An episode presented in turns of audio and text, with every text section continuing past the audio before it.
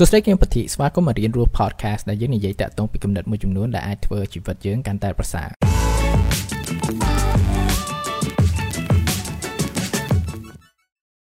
តើធ្វើយ៉ាងម៉េចដើម្បីបង្កើតគម្រោងជីវិតឲ្យមានប្រសិទ្ធភាព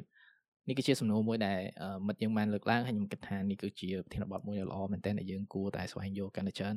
ព្រោះថាការដែលយើងចេះរៀបចំគម្រោងនៃជីវិតរបស់យើងហ្នឹងគឺវាជួយឲ្យយើងឆ្ពោះទៅមុខទៅគោលដៅនៃជីវិតរបស់យើងវាកាន់តែឆាប់រហ័សជាងមុនយើងទៅចំពោះខ្ញុំផ្ទាល់អ្វីដែលសំខាន់បំផុតគឺការជ្រើសរើសគោលដៅតើគោលដៅណាដែលយើងជ្រើសរើសដើរឆ្ពោះទៅនឹងព្រោះថាការដែលជ្រើសរើសគោលដៅខុសក៏វាធ្វើឲ្យយើងខាតពេលដែរព្រោះហើយគោលដៅខ្លះវាមានរយៈពេលយូរអាច10 20 30 40ឆ្នាំនេះទៅបើយើង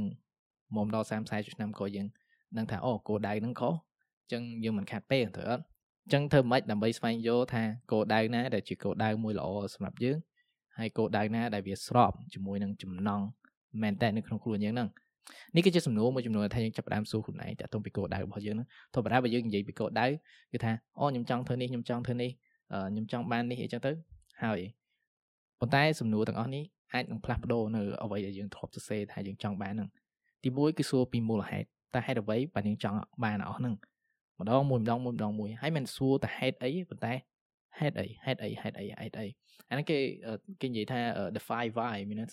សួរខ្លួនឯងថាហេតុអី5ដងការសួរនេះគឺដើម្បីជីករឹសនៅមូលហេតុហេតុអ្វីបានយើងចង់បានអាហ្នឹងព្រោះធម្មតាចំណងមួយចំនួនគឺថាពេលខ្លះវាអាចមកពីខ្លួនយើងពេលខ្លះអាចពីសង្គមឬក៏យើងឃើញណាគេបានឯមួយចឹងទៅអញ្ចឹងពេលខ្លះគឺថាมันមិនមែនជាអ្វីដែលថាវាស្របជាមួយយើង100%ទេអញ្ចឹងវាល្អមែនតើថាយើង គួរតែសួរខ្លួនឯងដើម្បីជីករឹសពីមូលហេតុទាំងអស់ហ្នឹងនេះគឺជាឧទាហរណ៍មួយដែលសាមញ្ញមួយគឺថាខ្ញុំចង់ខ្លាចជាអ្នកមានហេតុអ្វីបានខ្ញុំចង់ខ្លាចជាអ្នកមាន ចង់បានឡានល្អទូរស័ព្ទល្អហើយអឺ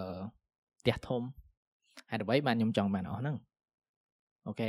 កាន់តែពិបាកទៅយើងចាប់ផ្ដើមគិតគិតទៅថា OK ជីកដល់ឫសហ្មងថា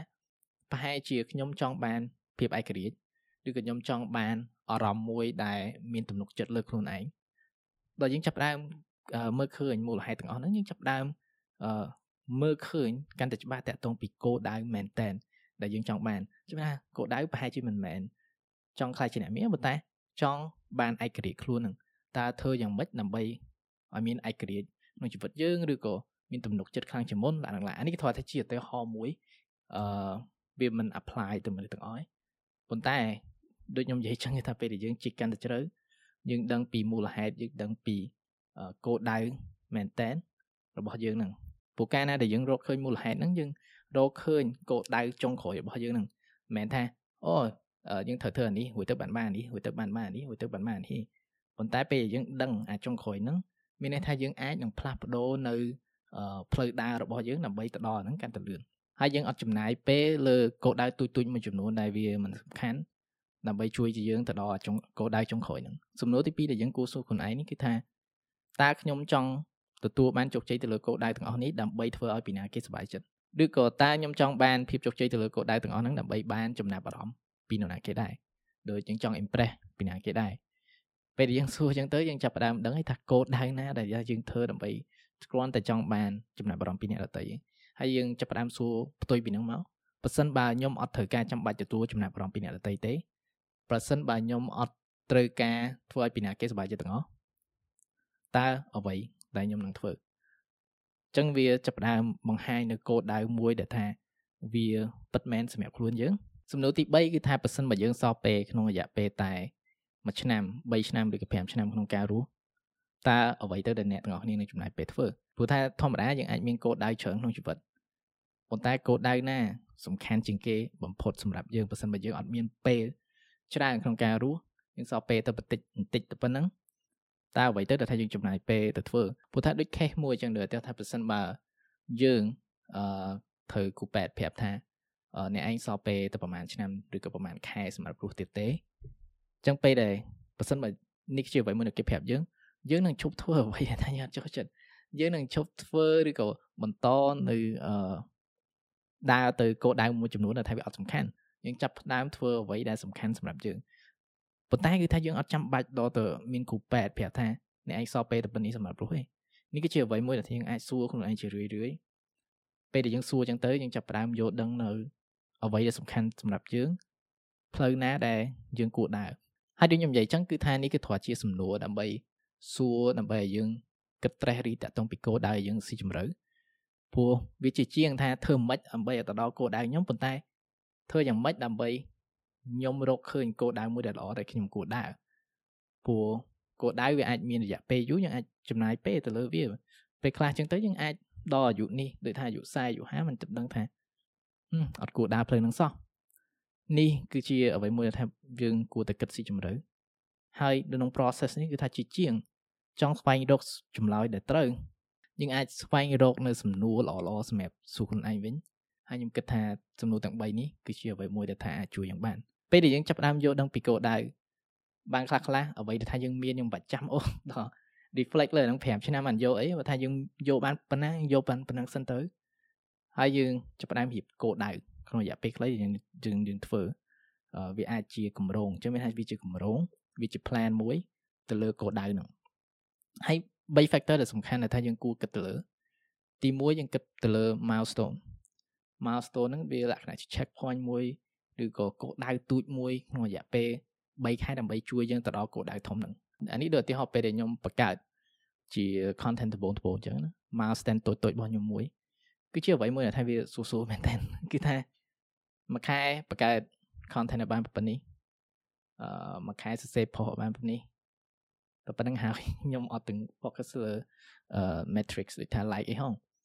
អ្វីដែលថាសំខាន់សម្រាប់ខ្ញុំគឺថាធ្វើម៉េចឲ្យខ្ញុំមានទម្លាប់មួយតែបង្កើតបង្កើតបង្កើតបង្កើត content សរសេរសរសេរសរសេររហូតអញ្ចឹងយើងចាប់ដើមមើលថាបកគោដៅយើងមានប៉ុណ្ណឹងតើ milestone នេះខ្លះដែលថាយើងគួរមានដែលថាយើងគួរឲ្យយកមក track ខ្លួនឯងហើយយើង create ជា plan of action មកហើយខ្ញុំគិតថានេះគឺជាអ្វីមួយដែលសាមញ្ញដែលថាភាគច្រើនយើងធ្វើពី factor ទៀតដែលថាភាគច្រើនគេមើលរំលងទី1គឺការអភិវឌ្ឍខ្លួន ពេលដែលយើងមើលគោលដៅរបស់យើងថាអូខេខ្ញុំចង់ទៅនេះខ្ញុំចង់ខ្លាយជាអ្នកនេះខ្ញុំចង់បានជោគជ័យទៅលើនេះយើងត្រូវសួរខ្លួនឯងថាតើមានជំនាញឬក៏ចំណេះដឹងណាខ្លះដែលខ្ញុំត្រូវមានដើម្បីជួយខ្ញុំឲ្យទៅដល់គោលដៅហ្នឹងចឹងវាតកតងពីការអភិវឌ្ឍខ្លួនរបស់យើងហ្នឹងនេះគឺជាការគិតខុសបើយើងគិតថាធនខំប្រឹងធ្វើការ work hard បានហើយខ្ញុំគិតថាវាអត់គ្រប់គ្រាន់ទេព្រោះថាការណាបើសិនជាសមត្ថភាពយើងជាមនុស្សដដែលយើងខំប្រឹង ប្រហែលក៏វានៅមាន limit ដែរមួយថ្ងៃយើងមានតែ24ម៉ោងចឹងមានថាពេលដែលយើងធ្វើឲ្យខ្លួនយើងខ្លាយជាមនុស្សម្នាក់ដែលល្អជាងមុនធ្វើឲ្យសមត្ថភាពយើងខ្លាំងជាងមុនចឹងមានថាការចំណាយពេលយើងក៏វាល្អជាងមុនដែរដូចឧទាហរណ៍ថាពីមុនក្នុងរយៈពេល4ម៉ោងយើងធ្វើការបានប៉ុណ្នេះឥឡូវក្នុងរយៈពេល4ម៉ោងយើងធ្វើការបានប៉ុណ្នេះអញ្ចឹងការប្រវត្តិខ្លួនកុំមើលរំលងវាអីទី3គឺតាក់ទងពី network តាក់ទងពីបណ្ដាញមនុស្ស តើអ្នកណាទៅដែលយើងគួរស្គាល់អ្នកណាទៅដែលថាអឺអាចជួយយើងដើម្បីទៅដល់គោលដៅនឹងបាននេះធ្វើថា simple មួយដូចថាខ្ញុំចង់ខ្លាចជាអ្នកអានតើធ្វើមិនដើម្បីខ្ញុំស្គាល់អ្នកអានផ្សេងកាន់តែច្រើនហ្នឹងទៅហើយមួយទៀតក៏វាតាក់ទងនឹង mentorship ដែរដូចថាយើងរកសិស្សច្បងឬក៏អ្នកណែនាំមួយចំនួនថាអាចណែនាំយើងបានចំពោះខ្ញុំខ្ញុំក៏មាន mentors ដែរការដែលយើងមាន mentors គឺល្អមែនតើព្រោះថាពេលខ្លះយើងអាច សួរសំណួរជាមួយសភៅព្រោះថាខ្ញុំចូលចិត្តអានសភៅអភិវឌ្ឍខ្លួនអញ្ចឹងនេះគឺមិនមែនជាអ្វីដែលខ្ញុំអាចធ្វើបានទេអញ្ចឹងការដែលយើងមាន mentor អ្នកអ្នកដែលយើងអាចសន្ទនាមួយយើងអាចសួរនៅចម្ងល់អឺមួយចំនួន ដែលយើងអាចរកពី resource ផ្សេងផ្សេងឬក៏យើងអាចមើលឃើញរបៀបម្នាក់ធ្វើការអីចឹងដើម្បីយើងអាចសូបទាញតាក់ទងពីបទពិសោធន៍របស់គាត់នេះគឺជាអ្វីមួយដែលជួយច្រើនមែនតើហើយបើកូដដៃយើងលក្ខណៈជា business ចឹងទៅយើងអាចសួរថាតើ network ណាយើងគួរមានដើម្បីជំរុញនៅ business របស់យើងឬក៏បង្កើត sale អីអីចឹងទៅអញ្ចឹង3 factor ខ្ញុំគិតថាសំខាន់តាក់ទងពីការធ្វើគ្រោងរបស់យើងសកម្មភាពរបស់យើងឬក៏ milestone ដែលថាយើងត្រូវធ្វើឲ្យបានកាប់វត្តខ្លួនហើយជាមួយនឹង network ហើយពេលដែលយើងមានអស់ហ្នឹងហើយថាយើងចាប់ដើមធ្វើការលើវាទៅ ចំណាយពេលតាមហ្នឹងទៅហើយទី3សំខាន់មែនតើគឺថាការ review គឺមានពេលមួយដើម្បីយក មកអឺគិតវិនិច្ឆ័យតាក់ទងពីគោលដៅហើយជាមួយនឹងគម្រោងរបស់យើងហ្នឹងនេះគឺជាអ្វីមួយដែលថាយើងអាចធ្វើ3ខែម្ដងឬក៏6ខែម្ដងឬក៏មួយឆ្នាំម្ដងក៏បានដែរព្រោះថាគោលដៅរបស់យើងមិនមែនជាអ្វីមួយដែលទេព្រោះថាដំណើរជីវិតពេលដែលយើងដើរទៅមុខហ្នឹងយើងចាប់ផ្ដើមយល់ដឹងអីថ្មីពេលដែលយើងយល់ដឹងអីថ្មីយើងចាប់ផ្ដើមយល់ថាអូនេះសំខាន់នេះគឺជាអ្វីខ្ញុំចង់ធ្វើត្រូវអត់ចឹងមានថាវាសំខាន់ដែលថាយើងមានពេលមួយរំលឹកទៅពេលយើងយករំលឹកហើយយើងយកមកវិភាគមើលថា គោលដៅហើយមួយកម្រងរបស់យើងមួយណាដែលថាត្រូវផ្លាស់ផ្លាស់ប្ដូរអានេះដូចឧទាហរណ៍ថាចំពោះខ្ញុំបើសួរខ្ញុំ3 4ឆ្នាំមុនខ្ញុំមិនដឹងថាខ្ញុំឡើងកំពុង record វីដេអូអញ្ចឹងអញ្ចឹងវាសំខាន់មែនតើថាយើងមើលនឹងយល់ដឹងពីបទពិសោធន៍របស់យើងហើយយើងគិតថាតើអ្វីខ្លះដែលយើងយល់ដឹងថ្មីហើយអាចចំណេះដឹងដែលថាយើងអាចហៅថា wisdom ដែលថា wisdom ដែលយើងមានថ្មីហ្នឹង យើងអាចយកវាមកប្រើមិនក្នុងពេលហ្នឹងអញ្ចឹងគិតឡើងវិញតាក់ទងពីគោលដៅគិតឡើងវិញតាក់ទងពីកម្រងហើយមួយទៀតគឺថាចាប់ផ្ដើមមានពេលអឺម្ដងក្នុងរយៈពេល3 6ឬក៏12ខែសម្រាប់រំលឹកឲ្យយើងមើលនឹងយកដឹងតែឲ្យរៀនតាក់ទងពីបទពិសោធន៍របស់យើងហ្នឹងព្រោះថា process នេះវា simple មែនតើនេះជាអ្វីមួយថាខ្ញុំយកមកប្រើនៅរយៈពេលប្រហែលឆ្នាំហ្នឹងដែលថាវាជួយខ្ញុំមែនតើថាធ្វើឲ្យខ្ញុំឈានជើងទៅមុខ ទៅលើ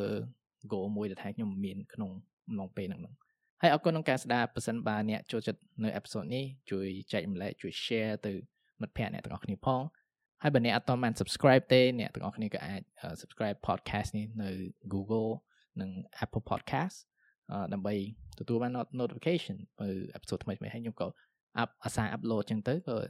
បានដំណឹងតាក់ទងពី podcast នេះដែរអូខេអរគុណម្ដងទៀតជួបគ្នានៅ episode ថ្ងៃក្រោយ